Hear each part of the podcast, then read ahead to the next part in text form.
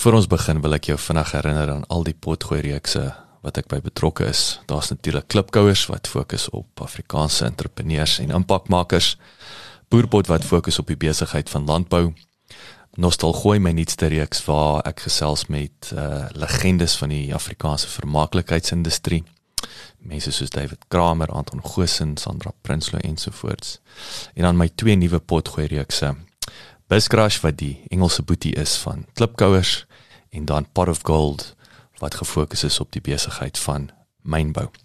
As jy in Pretoria is, kom maak gerus 'n draai hierop by ons plek uh in die R21 Corporate Park genaamd Bouma at 21 waar ons 'n kafee het, ons het co-working space, ons hierdie uh uh um, raadsaal uit en my ateljee is hier. So as jy is, kom drink gerus 'n koffie en kom sê hallo. Welkom by die Boerpot Potgooi reeks waar ons fokus op die besigheid van landbou. Moenie vergeet om na ons ander potgooi reeks genaamd Klipkouers te luister waar ons fokus op Afrikaanse SMEs en hulle suksesverhale reg oor die wêreld. Middelburg Mielieboer Pietie Besuidnout is 'n passievolle John Deere kliënt en beskik oor 'n indrukwekkende versameling van sowel deur speelmodelle as twee-silinder trekkers wat hy restoreer. Besuidnout se grootste passie bly egter boerdery. Hy bedryf die afgelope 27 jaar die familieboerdery op die plaas Wonderfontein wat sy pa 42 jaar gelede aangeskaf het. Milies is nog altyd die hoofvertakking, maar Besuidnout hulle het oor die jare ook uitgebrei na sojabone, beeste, hoenders en selfs 'n privaat wildreservaat.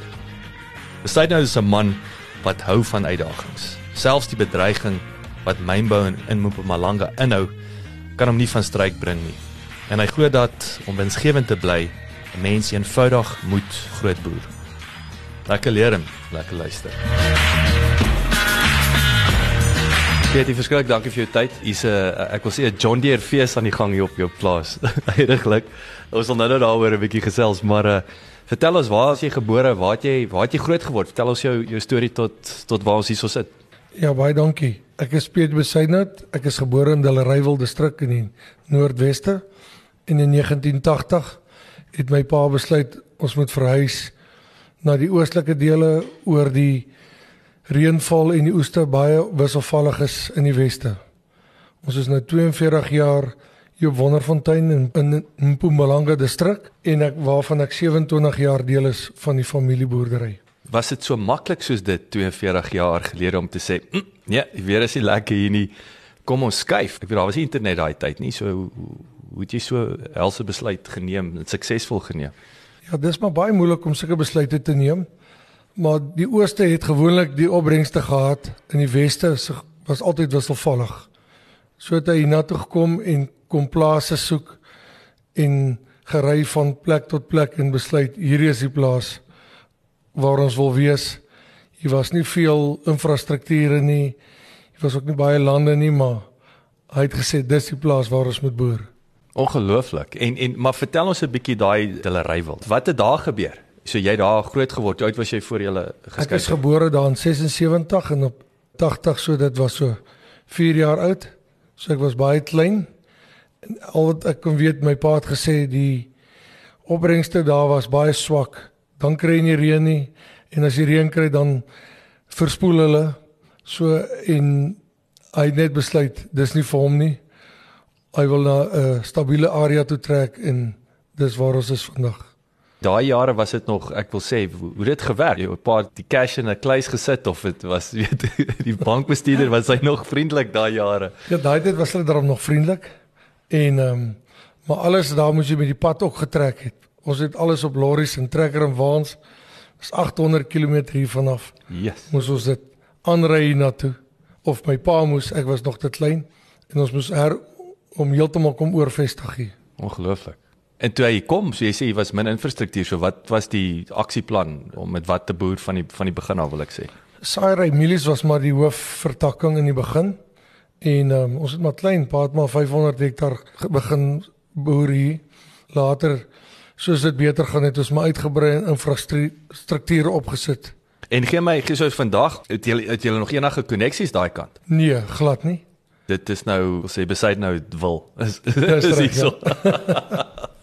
Waar is jou pa? Hy is hier op die plaas. Hy is nog deel van die boerdery. Hy doen die wildafdeling en hy help met die maintenance op die toerusting op die plaas. En waar ons nou besig om nuwe silo's op te sit, hy is nou daar help my daar op die oomblik. Dis nie 'n gegewe dat omdat jy 'n boer se se kind is, het jy noodwendig geliefde vir boerdery of gaan jy boer nie. So waar het jy bewuswording gekry? Okay, hierdie is vir my. Ja, ek het op die plaas groot geword. Ek was heeldag saam met my pa in 'n bakkie in die land, in 'n trekker, in 'n stroper. Dis al wat ek geken het en dit het naderhand my passie en my leefwyse geword. En dis al wat ek graag my hele lewe wou gedoen het. So dis maar net iets wat daar dit by saadjies geplant en ek bedoel dit is nou maar is seker pros en cons om om die baas se seun te wees. Gee ons daai snapshot so waar hoe die boerdery toe nou gegroei. Jy het nou al klaar aangeraak in terme van die silo's, die wild en so aan so hoe daai ding evolve en natuurlik waar jy uh, ingekom het. Wat het jy gesien? Wat het jy verander? So gee ons 'n bietjie meer vleis daarso. Ag toe ons begin toe ek saam met my pa begin boer het, was alles nog oudmodies geweest Ons het alles ou toerusting gehad. Ons was nog nie die moderne toerustings gehad nie. Ek het gekom, ons het die uh, boerdery vergroot. Die saaiery vergroot. Ons het net mielies geplant. Ons het later sojaboon uh, ingebring om wisselbou toe te pas op die plaas. En later het ons die beesfaktor ook ingebring oor ons baie weidings het. En ons het later wel hoenderhokke ook ingebring waar ons die broiler afdeling begin het waar ons weer die die hoendermis kon gebruik het op die lande om die lande op te bou. Ek wil aanraak ook wat was die uitdagings? En natuurlik waar kom jy aan die idees? Dis weer eens is dit uh, wanneer besluit jy is nou tyd om die diversifiseer, is nou tyd vir vir soja, soja, is nou tyd vir vir hoenders. Ja, ek was 'n gouer my hele lewe en toe ek hier kom die uitdagings was vir my net te min wat my pa gedoen het. Gaan soek jy vir, vir, vir Ek het gaan soek vir uitdagings. Dit voel so verstagneer. Ek kon nie ek kon nie my brein stimuleer nie. Ek dit ek moes groter en meer goed doen. So het ons plase om ons begin uitkoop en groter begin mielies plant en later het ek sê ons moet ander gewas begin inbring in die boerdery nie net mielies nie om die risiko's bietjie te versprei. Ons het meer weidings as lande. Dus is ons met die beesafdeling inbring om, om die plaas voluit te kan benut. So het ons begin boer en later het ons sê maar ons moet weer uitbrei. Ons moet nog iets nuuts inbring sodat ons die hoenderhokke begin inbring en ons sit jaarliks vergroot ons die hoenderhokke ook. Waar kry jy idees? Waar het jy by wie se wie jy gaan sit om te weet okay, wat is die volgende stap of is dit nou wil ek sê is dit dis nie so maklik soos Google of die Landbeweegblad? Ag dit is nie so maklik nie, maar ja, Landbeweegblad en boere daar jy sit met mense, gesels met mense en leer nuwe mense ontmoet so by 'n braaivleisvuur, so leer jy hmm. ouens ken wat in ander bedrywe is en dan begin jy oplees en sien ja maar hierdie bedryf kan in jou uh hier by jou in jou stelsel ook pas. Hmm, hmm, hmm. Dan doen jy meer ondersoek en dis hoe ons maar aan al ons uitbreidings gekom het en verskillende vertakkings in die boerdery. Wat is daai groot lesse wat geleer is hierso as jy nou terugkyk? Ek sê sê wat sê hulle anders doen? Wat moet ouens pas op voor? As jy veral as jy so begin uitbrei. Ja, ou moet pas op vir uitbreidings moet baie pas op om te vinnig te gou te groei. Die natuur is 'n groot rol kan dit gou sy rug vir jou draai en jy kan alles verloor. En jy moet ongelukkig kundige ouens sê wat saam met jou die pad loop om jou besigheid te kan uitbrei en te verbeter. Kan ek kom ons staan gou stil daarso. Hier en nou in Suid-Afrika. As jy wil uitbrei en of iets selfs niets probeer. Waar begin jy? Bel jy die verskaffer? Is dit weer om die braaivleisvuur? Gee ons 'n bietjie vleis daar. Ou lees op, begin kinders soek. Begin meer ouens sien. Begin by elke ou se inligting vat. Begin goed saam sit. Google. Google is 'n wonderlike ding. Jy kan baie by Google leer. Jy probeer iemand kry en jy vat 'n kindige en jy stap met hom 'n pad saam. Het jy al jou vingers verbrand? Ek wil amper sê hoe maak jy seker jy het nie 'n aap wat net praat nie? Jy doen maar navorsing. Is die ou goed? Verwys daai word of mouth wil ek sê. Dis reg, ja. Mm, mm, mm. En dit is ook maar moeilik jy as jy 'n nuwe vertang of 'n nuwe besigheid begin, jy verbrand maar ergens jou vingers. Dit loop nooit glad van die begin af nie. Waar trek jy daai lyn om agter te kom dat ja, maar die ding is al lankal dood en voor jy jou hele cashflow opneek, waar trek jy daai lyn om te sê nee? Dis 'n slegte idee gewees. Ons vat die lesse en ons beweeg aan. Ja, dit gebeur. As jy sien daaraan, dit kos jou meer geld as wat jy dit bly net geld kos, jy moet net insit en insit. Jy sien jy begin jou jou kontantvloei opeet en dit begin jou uh vaste besigheid skade doen. Mm. Trek jy streep, maak jy boek toe en gaan aan. Hoe lank sal jy wag? Sal jy dit na 'n jaar doen, na 2 jaar of is dit net maar dit hang af hoe groot die bedrag is? Dit hang af van van die bedrag, hoe groot is dit en hoe baie het jy ingesit in die besigheid?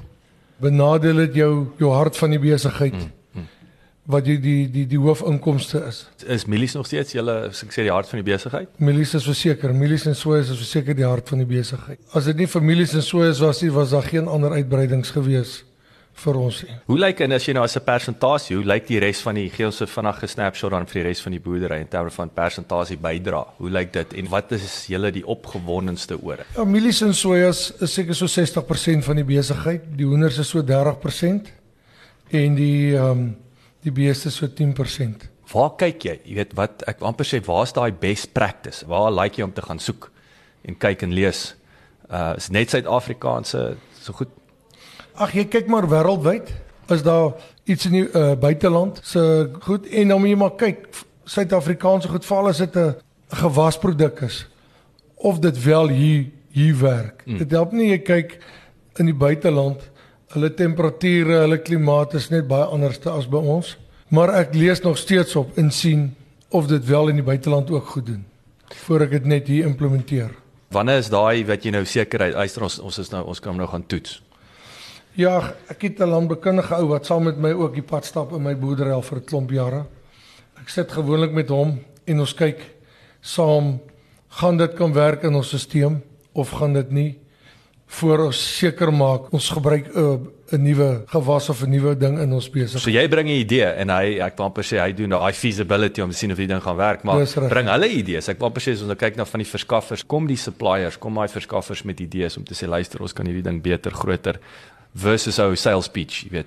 nee, nie regtig nie. Ek gaan soek maar die meeste tyd van tyd die geleenthede en ek en my landbekundige sit en ondersoek dit en hy help my ondersoek en ons gaan soek ander kundiges om te kyk of dit wel werk by ons. Is dit interessant? Dit voel vir my dis 'n ongelooflike geleentheid wat dan misgekyk word. Verseker is daar. So die manne wil net klink vir my hulle wil net verkoop. ja, nee, dis waar. Baie interessant. Wat se land spring vir jou uit? Jy het nou interessant gesê natuurlik jy kan nie net gaan jy moet appels met appels vergelyk. Wat se lande spring vir jou uit wat vir jou indrukwekkend is? selfs net met hulle te werk gaan hoef nie noodwendig jy weet dieselfde gewasse en goed te wees nie. Ek is baie lief om my Amerikaners se goed te volg want hulle is die ouens wat die groot toerusting gebruik en opbrengste jag. Gebruik baie van hulle inligting en datas en kyk wat goed doen daar en dan kom ons terug en ons ondersoek dit hier deur die verskaffers om te sien wel of dit kan werk. Hmm. Is daar iets opwindends, iets wat uitgespring het in die afgelope paar jaar wat jy net sê, "Wow, hierdie was hierdie Ja, Ons nuwe uh, saadkultivars het die laaste klomp jare baie verbeter en dit het ons opbrengste het uh, deur die dak gespring die laaste klomp jare met die nuwe tegnologie en kultivars wat inkom en selfs sojas ook nou sojas wat nou nuwe gene in het is ook wat nou inkom help ook dat die opbrengste verhoog op die soja oeste. So wat is anders met die soja? Dis nuwe gene wat hulle in die sojas insit en dit maak dat ons beter opbrengste kry. En ek neem aan ek bedoel dis 'n ouetjie hy hou mos net maar van nattigheid, maar ek neem aan dan die droog en die nat is wat hom sterk maak, nê. Nee. Ja, hy hou nie swyboon nou nie van te nat as hy klein is nie. Maar ja, die nuwe gene wat hulle nou in in hom implant maak verseker dat dit 'n beter plant is en dat hy bietjie droogte beter vat en uh in ons klimaat wel beter doen. En in terme van jou kultivars, hoeveel eh, kultivars gebruik jy en hoe lyk daai proses hoe daai proses gelyk om ook te besluit, jy weet wat se wat se kultivar vir wat se land? Ja, dis ook 'n baie moeilike vraag om te antwoord. Op soejas moet jy by elke maatskappy het 'n 3 of 4 kultivars wat goed is. En ons die Sami landbekundige plant ons oral proewe en dan kyk ons op watse grondsoort doen watter kultivar goed. Mm. Ons doen so 3 jaar proewe en dan daar volgens besluit ons watse kultivars plant ons op watse tipe gronde. En so ook met die mielie kultivars is dieselfde. Daar doen ons wel stand toetse ook verskillende stande op verskillende tipe gronde en kunsmisvariasies doen ons ook. Enige verrassings onlangs? Ja, dat daar's baie baie verrassings wat uitkom van elke maatskappy. Vraggies. So is daar kultivars wat wat ons te hoog staande brand, wat ons terugkom en laer staande wat beter doen en andersom. So dis nou maar net weer jy weet nie wat jy nie weet nie. Ja, dis waar. Dis dalk nou 'n stupid vraag, maar as jy nou bepaal het daar's da jy optimale opbrengs, is daai net 'n aaneenlopende toetsproses. Soos jy nou sê, wat vandag werk, gaan nie oor 5 jaar noodwendig dieselfde wees nie. Of is dit uh, Nee, dis ook 'n ander ding. Sodra jy kultivars so beproef soos wat ons doen, hy's 'n kultivar so tussen 3 en 5 jaar op die mark. Sodra jy weet op watter tipe gronde doen hy goed, as as dit dan verander hy en dan kom daar weer nuwe genetika uit. Dan begin die toetse weer van voor af. Nee, magies. Maar as hy elke 3 tot 5 jaar, dit voel amper soos tegnologie. Jy weet die manne is al 10 jaar vooruit maar hulle ek soos 'n drip feed ja. Die tegnologie hardloop so weg buite en die kompetisie is so hoog dat elke maatskappy hier buite probeer hul kultivars net beter en beter teel om hoër opbrengste. So dis nie dat hy aspres iets terughou nie, is net Nee. hy moet voorbly. Hy moet voorbly want daar's die maatskappye uh, bring elk gereeld Hmm. ook beter kultivars uit met beter gene en beter staanvermoë en siektebeheerstand, weerstand en goed Okay. Baie interessant. wat jou opbrengste wel verhoog. Yes. Is die Amerikaners het hulle ook in terme van ek bedoel tegnologie en daai dinge is hulle ek wou sê ons is seker ook ver ver voor, maar in terme van van juis van hulle kultivars en so, het hulle soortgelyke uitdagings. Ja, hulle het is dit. hulle het Sjoe, baie interessant. In terme van en ek wil terugkom na die bierman, omdat jy so gediversifiseerd is, goed. Het jy ouens met wie jy kan gaan sit en net Ja, klankbord. hier is redelik bure om ons wat ook groot en diversifiseer. En dit is altyd lekker om met jou buurman te kan sit en gesels en hoor wat doen hy, wat werk by hom en wat sien hy in die toekoms? Waarna moet ons kyk om uitbreidings te doen? En goed. So wat sien julle?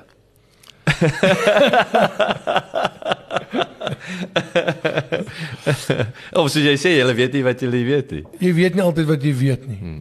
Al wat ek weet is net jy kan nie meer te klein boer nie. Jou boerdery moet vergroot van tyd tot tyd want die basiese insette raak net te duur. So jy moet al hoe groter boer om meer winsgewend te word. Want die die wins raak jaar na jaar kleiner. Is daar al 'n uh, lyn wat getrek word? Sê luister as jy nie 1000 hektaar boer nie, vergeet maar of wat weet julle al waar's daai min of meer? Ja, dit wissel, maar ek glo onder 1000 hektaar as jy nou plant, dan is jy nie 'n regtig ekonomiese eenheid nie. Ek sien. So wat is die ekonomiese eenheid nou? Ja, sê maar 1000 hektaar. 1000 hektaar, ja. pragtig. Dis interessant, nê. Nee. En ek wil soos jy sê die insetkoste, dis net 'n kwessie van die diesel, alles wat daarmee gepaard gaan wat Ja. wat Kunsmis is 130% op in die laaste jaar. goeie hemel. Dis die enigste manier hoe jy daai nok kan vat is Ja. met uh, So jy volume. moet ongelukkig volumes hê Ja. in oppervlakte om nog winsgewend te kan boer. Kom ons praat nou van 'n bietjie daai risiko te versprei. Ons het nou oor die hoenders gepraat. So vertel ons 'n bietjie waar dit begin, weet waar daai idee vandaan gekom en wat was daai proses van om hierdie hoenderboerdery te, te bewerkstellig, uitdagings, interessante goed. En dan in baie belangrik, ek wil nou terugkom na wat het jy by die hoenders gesien wat jy in gewasse kan implementeer of vice versa. Jy weet, daar wil jy leer van Ja. Interessant, my buurman het so 8 jaar terug geïmmigreer Kanada toe en hy het 'n hoenderplaas gehad wat in die mark gekom het. En toe besluit ek ek gaan dit ondersoek en toe koop ek sy hoenderplaas om 'n nuwe vertakking in die boerdery in te bring. En so het ons maar leer hoe hoenders boer. Niks Jy weer gaan Google. hoenders Weer gaan Google. Maar daar's ek neem aan ook die verskaffers, 'n hoenderverskaffer se gehalte versus sê maar 'n gewasverskaffer. So ek wil nou ons sal nou By daarby hoenders is daar baie meer intensiewe ouens wat weekliks en 'n veearts wat weekliks by die sites omkom om ondersoek te doen Is want dit meer red tape wil ek sê, is dit Ja. maar die groot ding. So dis hy dis die goeie en die slegte deel van dit. ja, want hoenders is 'n baie moeilike ding. Dis 'n baie finieke ding. Hulle gaan maklik dood. So jy moet ongelukkig daar baie kenners gebruik om te help dat jy die regte voedings, die regte water het, skoon water en die medikasies in die water gebruik. En so het ons net begin groei in die hoenderhokke en later gesien maar die mis het ons laat ontleed en dit is goeie voeding vir die lande. Was doelbewus dat as ons hoenders gaan soek ons Ja, So jy het geweet die die die mis gaan jy gebruik op die lande, maar ons het nooit geweet wat is die die waardes van die mis nie tot ons dit laat ontleed het. Ek sien maar daar's goeie uh minerale en Stikstof. stikstof en fosfate in die ehm um, in die mis en so het ons dit begin strooi op die lande en verbeterings gekry. En later het ons net begin groei en nog hoenderhuise goed bygesit. Was dit um, ek wil sê aangename verrassing? Ja, ek, Verwag dat ons gaan hom groei waar hy nou al 30% van die besigheid is. nee, nie so vinnig nie. Maar nou die laaste tyd het ek sien hy groei so vinnig dat hy kan binne die volgende 3 na 4 jaar 50% van die boerdery So omset. omset wees. Ongelooflik. Ja. En ek neem aan dis so eenvoudig soos ek wil sê junk in junk out. Hoe maak jy seker daai mis is van hoë gehalte en dit neem aan die uitdaging nou is ook om wat doen jy anders laat om die misgehalte meer te verbeter? Jy kan dit ongelukkig dit gaan Is oor dit? die hoender se kos. Die belangrikste is die die hoender moet die regte hoeveelheid kos kry om die regte eier produksie te kry want ons verkoop die eiers, Ek die verstaan. bevrugte eiers. En so dis die eerste prioriteit. Jou eiers moet reg wees want jy moet die regte uitbroei persentasies hê. So jou mis se voeding wat daar uitkom is is maar omtrent altyd dieselfde. Ek verstaan. Jy moet net nie uh, hoekie sny wanneer dit by die kos. Sodra jy kos sny, dan kom jou produksie af by die eiers. OK, OK. Is dit nou maar weer daai kortsigtigheid wat ouens uh, daar sny om kos te bespaar maar dan betaal hy aan die agterkant af. Nee, as die ouens sny, jou winsgrens raak dan vinnig klein. OK, so is net mooi En- invers. Jy ja. jy wil Ja, jy wil, jy wil die maksimum hê voeding gee om die maksimum eierproduksie te kan kry. En hoe lyk daai koste, daai insetkoste nou as ons nou kyk wat nou met jy het nou kunsmis as 'n ek wil sê 'n skrikwekkende voorbeeld genoem. By die hoenders is dit baie maklik. Sodra die mielieprys opgaan, gaan jou voerprys op en jou eierprys op. Kom dit af, sak die eiers en die mielie jou voerprys saam. So dit bly in 'n band. Jy het minder risiko daar. Dis 'n meer vaste inkomste teenoor mielies en sojas. Dis interessant. Jy het nou gepraat van 'n bevrugte eier. Ek sit nou hier as 'n leeks. Ver- Vertel my 'n bietjie van die verskillende hoender tipe boerderye. Boerdery is daar. jy kry die braaikykens, dan kry jy die parenstok, dan kry jy die grandparentstok. Okay, so wat wat's dit? Die grandparentstok se eiers wat uitgebroei word is die broiler breeders wat ons doen se ouers. En wat ons deel is die braaikykens se eiers wat uitgebroei word wat na die braaikykkenmark toe gaan. Ek sien. As jy nou moet terugkyk, wat gaan jy kan jy daai ding selfs diversifiseer? Wil jy daai 3 bene hê? Nee, ons wil jy kan nie al drie bene bymekaar hê nie. Ons het begin met braaikykens en agtergekom die mark, die wins is te klein vir ons Bietjie bietjie hoender- kommoditeit. Ja, want die die slagpaal is te ver van ons af. So het ons uh, besluit om te verander en ons het ander kontrakte gekry wat ons die broiler breeders begin teel het wat vir ons baie beter is. Na tyd het ons begin uitbrei en ons ons is weer in die uitbreidingsfases met die broiler kant.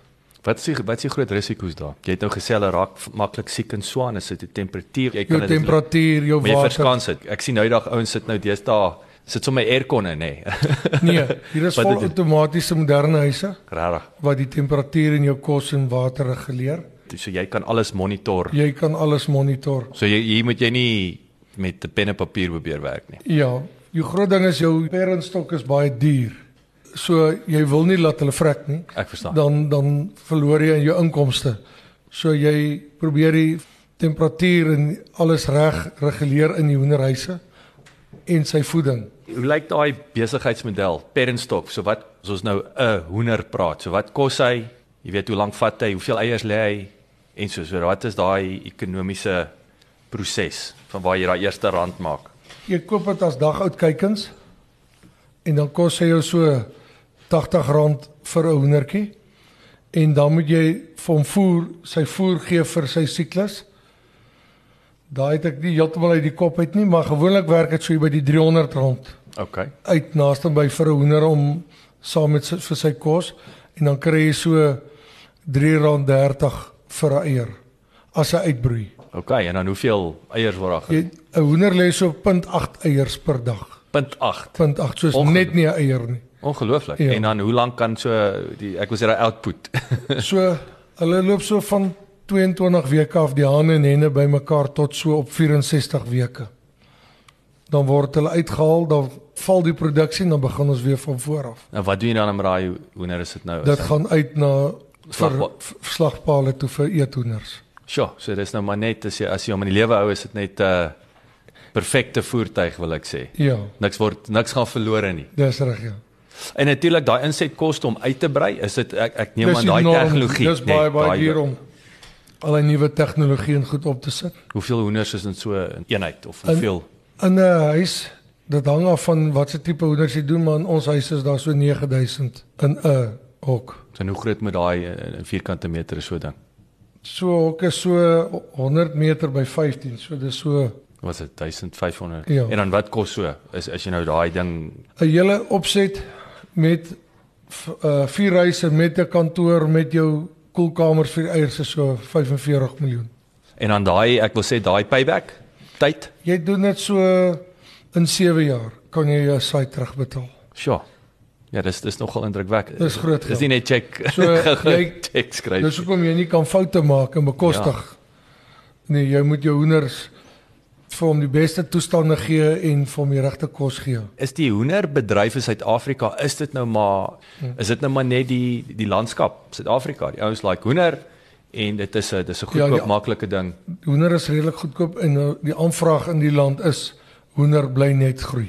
pragtig Almal wil net hoender eet. sure die laaste vraag in terme van die hoenderbedryf is dit iets wat jy ook sien nie by jou buurman nie ek sê die die spreekwoordelike buurman dat die ouens eh, al hoe meer in hoender diversifiseer of is dit nou maar nog steeds nie by ons nie, dis te duur. So die enige ou kan daar inklim nie en om om kontrakte te kry is ook 'n probleem. So kom ons praat ek bly ek bly jy noem die kontrak. Ek wou actually gevra het oor oor daai afsetpunt. So Ja. hoe wat is daai proses? Wat is die uitdagings? Want natuurlik ek neem aan jy wil eers weet wie dit gaan koop voor jy Ja, ons 45 miljoen gaan spandeer. verseker. So jy moet 'n kontrak by iemand hê vir wie jy die eiers groei. Uh as jy nie 'n kontrak het nie, kan jy nie daai uitgawes aangaan nie. Dis net te moeilik hier buite om 'n mark te soek. Hoe moeilik was dit om daai Ons kontrak was te nou kry? redelik gelukkig met die eerste opset wat ons gekoop het. So jy het daai sommer bygekry Ja, jy het die kontrak bygekry en hulle het ons later gevra brei vir ons weer uit oor dit 'n hoendervry area. Hier is nie baie boere wat hoenderhokkie het nie. Het ons 'n kontrak gekry en weer 'n kontrak gekry om uitbreidings te kan doen. Dis fantasties. En dan hierdie ouens doen wat? Jy weet, wat doen hulle met daai verskaf hulle nou weer Dis daybreek, daybreek verskaf aan die bevrugte eiers is braaikykers, dit gaan na die braaikyker ouens toe en dis die ouens wat KFC toe gaan en Okay. na, na al die die hoender uh, verwerkers, ouens wat hoender verkoop. Okay. Waar is waar is hulle? Hulle sit in Delmas. O, so is is om die draai. Okay, okay. En hoe lank is so 'n kontrak? Ek wil sê hoe hoe, hoe verskans jy daai risiko? Jou kontrakte, die eerste kontrakte was 10 jaar en die la, die nuwe kontrakte is net 5 jaar. Maar met die eerste opsie om dit wel te te kan hernie. Wat moet jy doen om daai kontrak te verloor? Is daar volume, is daar 'n teiken in terme van as jy onder onderproduksie Ja, as jy onder produksie produksie is neem aan? en jou produksie is nie reg nie en jou uitbroeisyfers is laag, kan hulle maklik jou kontrak met jou stop. Maar as jy jou- as jy doen wat jy moet doen as jy is jy okay. Ja. En jy reken hy hierdie ding gaan die hoenders gaan oorneem. Ek glo daarom Ten minste die helfte, die helfte, die helfte. Hoe gevaarlik is sentiment in so 'n besluit? Met jou milies wil ek amper sê dit is nie net ek wil sê dis dis amper jou emosionele stapel voedsel. Dis. Nee, waar waar trek jy daai lyn of is dit maklik vir julle ouens op 'n punt te kom wat ding maak jy geld nie einde van die storie? Ja, jy kan nie sentiment aan aan dit koppel nie.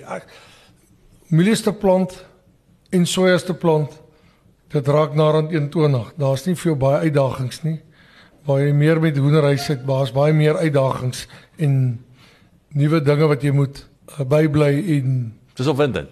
ja, Ek wil wel ja, solank jy net nie crash nie. dis hy, ja.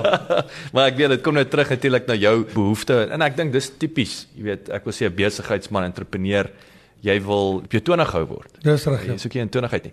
Gebo- Wat van 'n kos sê tegnologie? Is daar iets interessants want ek omdat dit so die hoenders is high tech, is daar iets snaaks daar wat jou idee gee wat jy sê hang aan, kom ons gaan kyk 'n bietjie anders wanneer dit by die gewasse kom.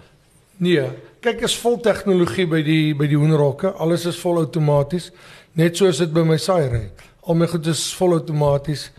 Ek het 'n skerm in my kantoor, ek kan op my slimfoon gaan, ek kan die settings van my trekkers en als gaan stel.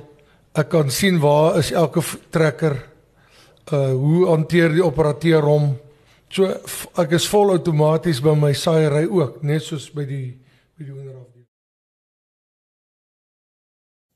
Landbou is voortdurend aan die ontwikkel deur innovasie in wetenskap en tegnologie.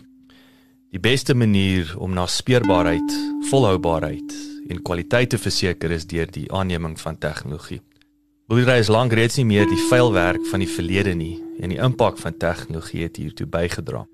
Boere kan deesdae met hierdie vooruitgang sowel grond as waterhulpbronne optimaal benut ten einde hoogs voedsame kos aan die groeiende wêreldbevolking te verskaf. Terselfdertyd verlig tegnologie die las van harde arbeid op plase. Nou lyk die situasie plaaslik? Ek wou by PT uitvind hoe vinnig die implementering van tegnologie op boerdery vorentoe te dryf in Suid-Afrika plaasvind. Dit gaan hoe goed hoe goed dit in die landbou gaan, hoe, hoe meer geld die ouens maak, hoe meer spandeer hulle aan tegnologie om dit vir hulle boerderye selfs makliker en beter te maak. Hmm. Laat jy kan vinniger plant, vinniger oes, beter besluite te kan maak. So dit hang maar van jaar tot jaar af hoe die ouens aan dit spandeer. Is dit? Ja. Wat is daai groot uitgawes met tegnologie? Jy weet eh, in terme van um, om dinge aan die gang te kry. Die ouer toerusting was nie vol toegerus met al die nuwe presisie tegnologiese goed nie. Dan moet jy dit addisioneel bysit. En dis die groot kostes.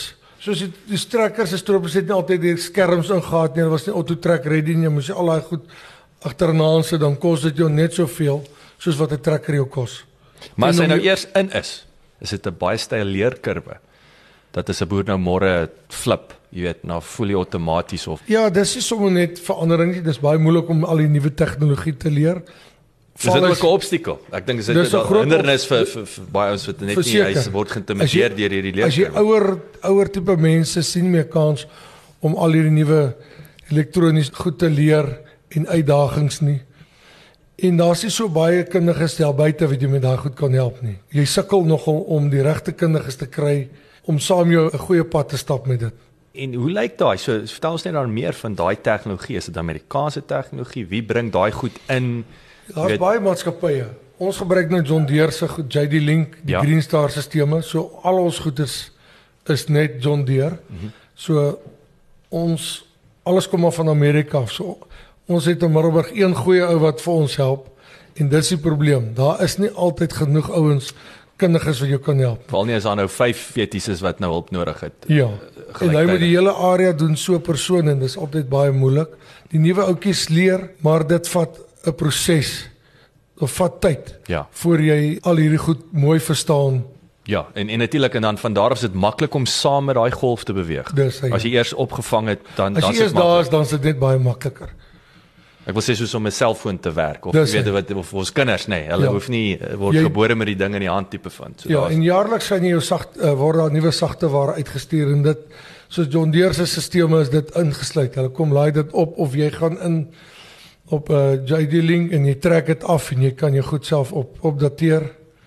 Ander maatskappye doen dit ook. Jy van die ouens moet jy betaal vir daai opgraderings om jaar tot jaar die goed te verbeter, om beter syne te kry, beter beheer te kry op die of dit 'n kontrole is wat die die saad of die kunsmis beheer of die trekker op die lyn hou daarvoor meeste van die ouens moet jy maar voor syne betaal of ekstra betaal vir dit.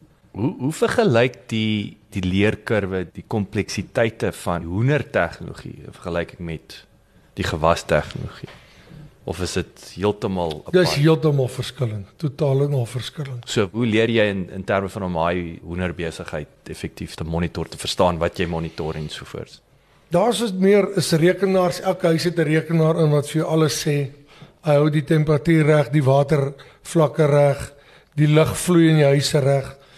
Waar jy in op die saaiery moet jy dit is saad en kunsmis varieer dieptes van plant, Baie variasies. baie variasies, baie anderste as wat by die hoenderkant is. Die hoender hierso is die stand van sake dit verander nie. Ja. Die gewasse is daar's is nie Heeltyd veranderings. heeltyd wat Ja. ek verstaan. Toe jy nou ten volle geautomatiseer geword het, was daar 'n wow oomblik wat jy iets op daai skerm kon sien wat jy net het, goeie hemel. Hoe het ons dit gemis of het iets opgepop van hier's die volgende geleentheid? Ja, stroper settings wat ek kan ek kan dadelik ingaan op my foon. Ek kan gaan settings stel. Die stroper mors kan ek ingaan en stel en onmiddellik is dit reg waar ek altyd in 'n voertuig moes klim. Jy moes land toe ry, moes in die uh stroper klim, jy moes die settings daar gaan stel. Jy spaar baie tyd. Dit maak dit vir jou gemaklik. Dit's net meer gerieflik. Hmm. Jy kan en jy kan 10 masjiene Jy gelyktydig kan 10 masjiene stel, jy kan alles beheer. Al is jy nie eens op die plaas nie, jy kan dit van enige plek af bestuur. Hoe voel jou vrou daaroor? Baie goed. ek ek kan dit sien lê op die strand seker. Ja. Kyk wat op die plaas aangaan. Dit is die ander dis die ander gevaar. En dit wild ingebring. So kom ons praat 'n bietjie daaroor. Ek wil sê hoekom het julle baie weiveld en natuurlik is dit die logiese volgende stap Ja. dan gewees. Die groot ding in die ou tyd het het die ou mense al die gronde omgeploeg en lande gemaak. Of dit swak of goeie grond is, hulle het dit omgeploeg oor insette goedkoop was. En met jare soos ons presisieboerdery ingebring het en grondsoorte geklassifiseer het en gronddieptes het ons al hoe meer gronde uitgesny en teruggevat weidings toe oor dit nie goeie gronde was om te kon saai nie. Dit eet die wins op Ja, ja. het ons na rond op 'n 30 70 gekom 30% lande 70% weiding want jou groot ding is jy moet opbrengs jag Mm. om wins te kan maak om meer volhoubaar te kan boer Ja, ja. so het ons begin weidings weer vestig en die beesfaktor groter gemaak en later het ons besluit om 'n wildafdeling in te bring op die plaas Kom staan net vir oomblik stil by die beeste. So wat was daai in terme van wanneer het julle begin en uh, hoekom ek nou die vraag ook vra is oor beesras, jy weet was dit 'n maklike besluit? Vertel ons hoe daai daai boerdery begin ding. en dan daai Ons het- besluite goed. met 'n sekere ras begin met uh, bonsmaras, suiwer bonsmaras geteel en later het dit vir my die uh, my speenkalvers te klein geword en ons het verander na beefmaster bulle by ons ons mare koeie en ons het vir ons vir ons 'n beter speenkalf geteel. En ehm um, later het ons besluit dis maar die ras wat ons by bly, beefmaster ras en ons is nou maar basies beefmaster beeste op die veld. So Beefmaster kruiskoeie met Beefmaster suiwer Beefmaster bulle. uh, ek wil sê dit is 'n wetenskaplike proses gewees. Dis hy. Ek wil nou vir jou amper sê vra so daai besluitnemingsproses, ek bedoel dit is dis ge dis geanker in data. Ja. Daar's die sentiment met wat julle hiermee te, te Verseker. werk gegaan het. nie. Ja. Wat wil kom hy wegspringplek van 'n Bonsmara byvoorbeeld? Waar het julle is dit nou maar in die omgewing wat Dis hy- van die hy aard- omgewing gewees en is 'n rooi bees, ons hou van rooi beeste. En Hoekom? dis maar net ons hou van rooi. Daar's nie 'n ander rooi bees. Dis 'n Ferrari. Ja. en die en die uh, uh ons Marakoe pas baie goed in die hoofveld aan. Dis kom ons met hulle begin boer het. En later het ons net besef ons ons moet groter speenkalvers steel, ons moet na 'n ander ras bil toe gaan. En so het ons begin rondkyk en bulle soek en besluit Beefmaster is die ras wat ons gaan bysit. En daai speenkalvers, hoe- is dit nou maar doeteenvoudig die pryse is nie goed genoeg daar by die voerkraal nie. Of wat het daai wat dryf daai proses? Hoe weet jy weet? Ja, hoe swaarder jou speenkalf is, hoe meer kry jy vir jou speenkalf, hoe beter wins maak jy uit jou beeste. Dis net doeteenvoudig, hy's te klein, ek wil Ja. meer geld, ek wil hom Ja. ek wil hom Hoe jy geweet Op hoe weet jy hoe ver jy hom kan druk? Op 7 maande speen jy jou kalvers en dan dan weeg jy en daarvolgens het ons agtergekom ons ons kalvers is net te lig. Yes. En Daar's 'n- het ons begin ander boere besoek, ander teelers wat met ander rasse en so het ons agtergekom. Die beefmaster gaan vir ons 'n omtrent tussen 8 en 10% beter groei gee in ons kudde. Sjoe. En dis nou weer daai ek wil sê die proof is in the pudding nee. Dis is daai ou het nou ek wil sê dit gevalle studie, jy kon dit vat. Ja. En watse tegnologie gebruik julle daar in terme van die die genetika of so of is dit is dit nou maar hierdie is nou maar net hier's 'n goeie voorbeeld kos draai het en daar is hy swaarder einde van die storie. Ja, ons gaan maar veilings toe. Ons gaan kyk na die bulrasse wat of die bulle wat goeie maas ouers het en goeie uh klein kallertjies vir ons uh, gooi. Dis wat ons maar koop en by ons beesras sit. OK, OK. Hoekom wild? Dis nou die tweede kant van die ek sê die vee gesprek. Die wild was my pa as kind groot geword in Bosveld en hy hou van wild. En later oor ek die saaiere al meer oorgevat het, toe hy besluit hy's lus vir wild. En dit ons begin eksotiese wildteel hier, hier op die plaas en dit het, het eintlik baie goed gegaan. Wat Dit was- gaan nog redelik goed. Kan jy net sommer wegspring met wild of is dit weer eens die omgewing is krities en natuurlik wat se tipe wild so gee ons 'n bietjie meer Dis baie moeilik in hierdie wêreld waar ons bly is hier nie regtig wild groot wildboere nie. Ons moes impak studies doen, ons moes natuurbewaring kry en vir ons sê wat het hier voorgekom? weer weer data. Weer Ons data. Soekie data. Ja. Weer ehm um, permitte kry. Dit het ook omtrent 2 jaar geneem om die permitte te kry om die wildskampe te span om om wild te teel. Dis dis baie interessant. So jy het nie net aanvaar om dit nie is nie. Was dit nog nooit so? Hoe was daai historiese prentjie? Hoe het hy gelyk? Jy weet back in the day vir wild. Ja, dit is 'n moeilike een daai. Ons moes na natuurbewaring toe gaan om te hoor wat was hier in vroeër. Spesifieke, wat se Wat spesifieke? spesifieke spesies het hier voorgekom? Okay. Blesbokke is 'n natuurlike ding wat hier voorgekom en dis nie wat ons wou teel nie. Ja, ja. So ons wil eksotiese goed toe gaan soos buffels, suiwels en koffiespringbokkies. En de, ons moes gaan ehm uh, teruggaan en hulle het vir ons navorsing gedoen en gesê vroeër jare was hier wel sulke goed in die omgewing gewees behalwe buffels, maar buffels kon ons 'n permit kry om hulle aan te hou. Okay, so dis maar net hy het meer impak op die omgewing is iets anders. Dis nie dat hy nou hy's taaf genoeg nog Ja. andersins.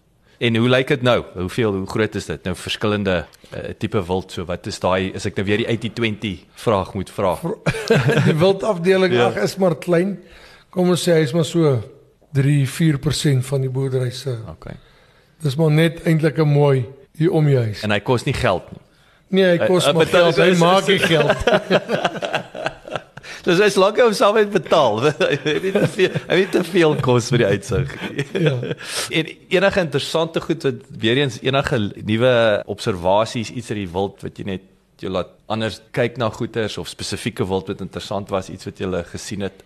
Ja, ag, die die buffels en die suiwels is maar vir ons die interessantste goed om te teel as jy tussen hulle op die karakter wat jy in 'n buffelbul se horing sien in daai. Dis vir ons mooi. Bring 'n bietjie rustigheid in die gejaagdheid van die hele boerdery.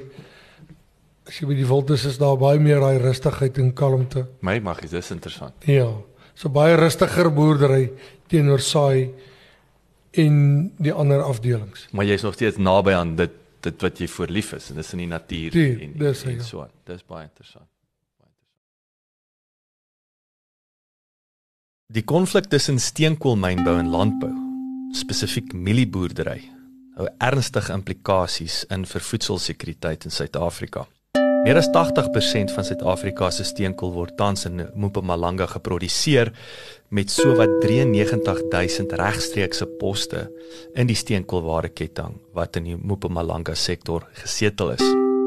Terselfdertyd beskik Mpumalanga oor 46% van die land se hoë potensiaal bewerkbare grond. Om te verseker dat hierdie grondhulpbron beskikbaar bly vir landbou, word dringende ingryping vereis. Indien mynbou hier aanhou groei, kan sowat 240 000 hektaar landbougrond verlore gaan.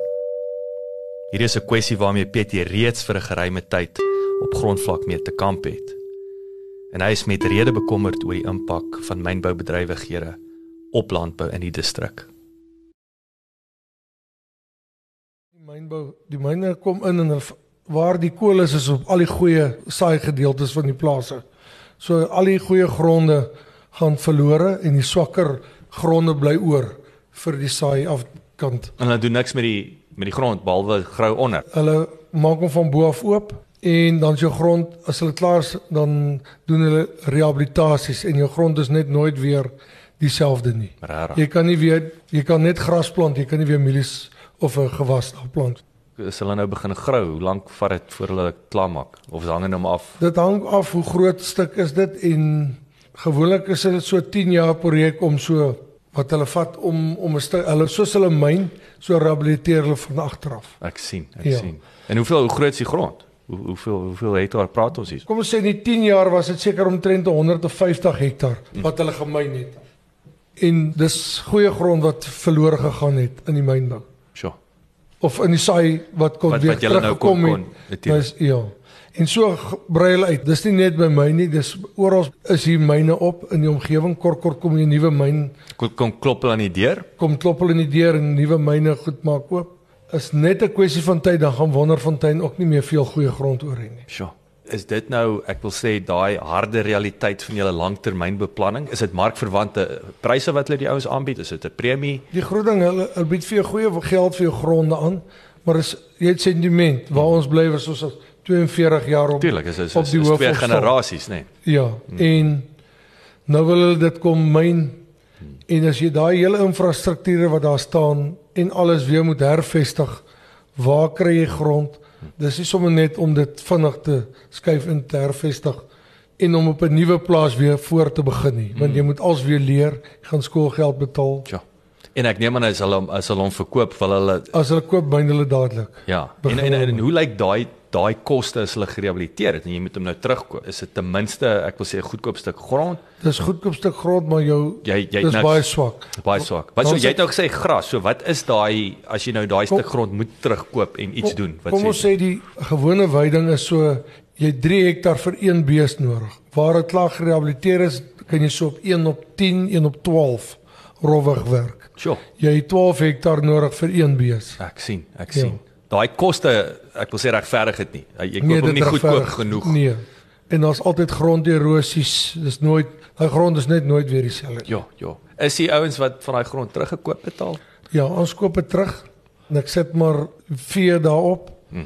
Oor een rede soos die myn weer gronde uitkoop, is ek maar altyd bang hulle skuif die arbeiders wat hulle vorentoe koop weer op die gronde Jy moet jou daai perimeter probeer grense handhaaf. af ja. Uh, okay, okay. En die ouens groei. Is En die is myne groei. En die groot probleem is hulle vat al hierdie plaasgeskoolde werkers. En jy het ons gesien het ek die talent nou jou ja, jou, en jou, ons sit met al die ongeskoolde werkers en ons produksie neem af. Ons sukkel om goeie produksie uit die mense te kry. Ons mense is, is nie meer produktief nie oor ons sukkel met die ongeskoolde werkers.